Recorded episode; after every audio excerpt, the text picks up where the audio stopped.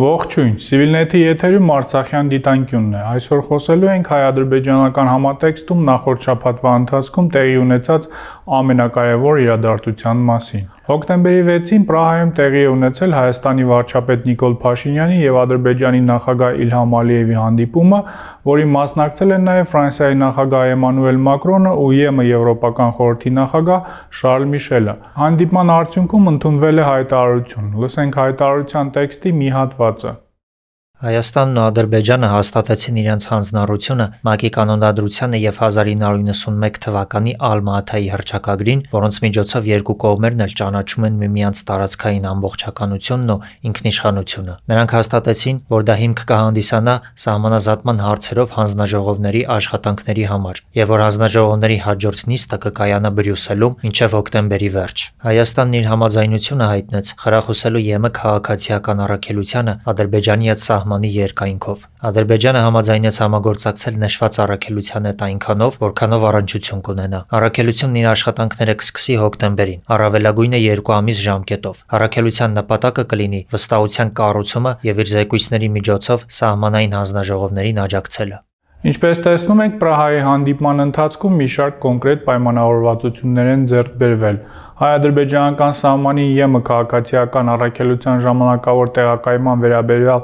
պայմանավորվածությունը Պրահայի հանդիպման գլխավոր առարկայական արդյունքը կարելի է համարել։ Հայաստանի իշխանությունները Ադրբեջանի հետ սահմանի միջազգային դիտորդական առաքելության տեղակայման անհրաժեշտության մասին հայտարարում էին դեռևս 2021 թվականի մայիսից։ Սակայն մինչև ռուս-ուկրաինական պատերազմի մեկնարկը արևմտյան որևէ առաքելության արկայությունը հակամարտության գոտում անիրատեսական սցենար էր համարվում։ Վերջին ամիսների ընթացքում Ուկրաինայում ընթացող ռազմական գործողությունների պատճառում Հարավային Կովկասում Ռուսաստանի հնարավորությունների ու ազդեցության զգալի նվազումը նոր իրողություններ է ստեղծել գետնի վրա եւ հնարավոր է դարձրել նման առաքելության տեղակայումը։ ԵՄ քաղաքացիական առաքելության տեղակայումը հայ-ադրբեջանական սահմանին անշուշտ նպատակ է հետապնդում տարածաշրջանում կայունություն ապահովել եւ նախադրյալներ ստեղծել բանակցային գործընթացում առաջընթացի համար։ Այնինչ տեղի էր ունենում հայ-ադրբեջանական համատեքստում վերջին շրջանում դժվար էր բանակցային գործընթաց անվանել։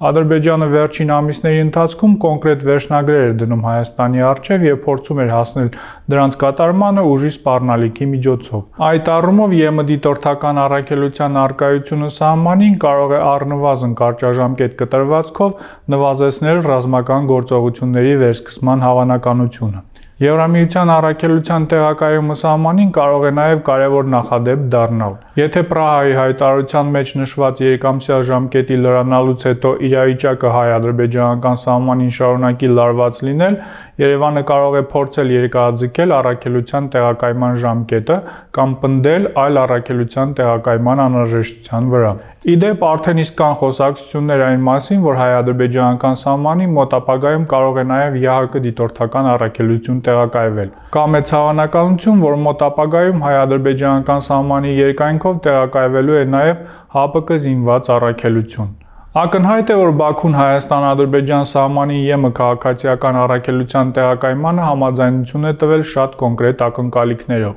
Ադրբեջանի այդ ակնկալիքների մասին գրեթե ուղիղ տեքստով գրված է Պրահայի հայտարարության տեքստի առաջին մասում։ Երևանը ամենայն հավանականությամբ համաձայնել է մինչև տարեվերջ Ադրբեջանի հետ ստորագրել խաղաղության պայմանագիր, ինչպես նաև արագ առաջընթաց ապահովել սահմանազատման գործընթացում։ Նիկոլ Փաշինյանը վերջին շրջանում բազմիցս հայտարարել է, որ Երևանը պատրաստ է ստորագրել խաղաղության պայմանագիր եւ ճանաչել Ադրբեջանի տարածքային ամբողջականությունը,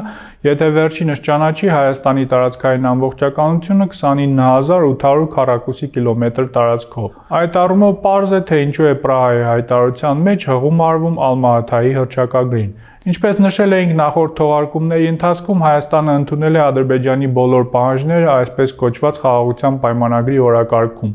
Հետևաբար Պրահայի հայտարարությունը կարելի է եւս մեկ քայլ համարել, որը մոտեցնում է այդ գործընթացի հանգուցալուծումը։ Ադրբեջանի իշխանությունները նպատակ էին դրել Հայաստանի վրա ուժային ճնշման միջոցով կարճ ժամանակահատվածում հասնել իրենց գլխավոր նպատակին՝ խաղաղության պայմանագրի կնքմանը եւ նրանք հասնում են այդ նպատակին։ Խաղաղության պայմանագրի ստորագրումը այնուամենայնիվ ոչ թե խաղաղություն է բերելու տարածաշրջան, այլ բազմաթիվ նոր խնդիրներ է ստեղծելու։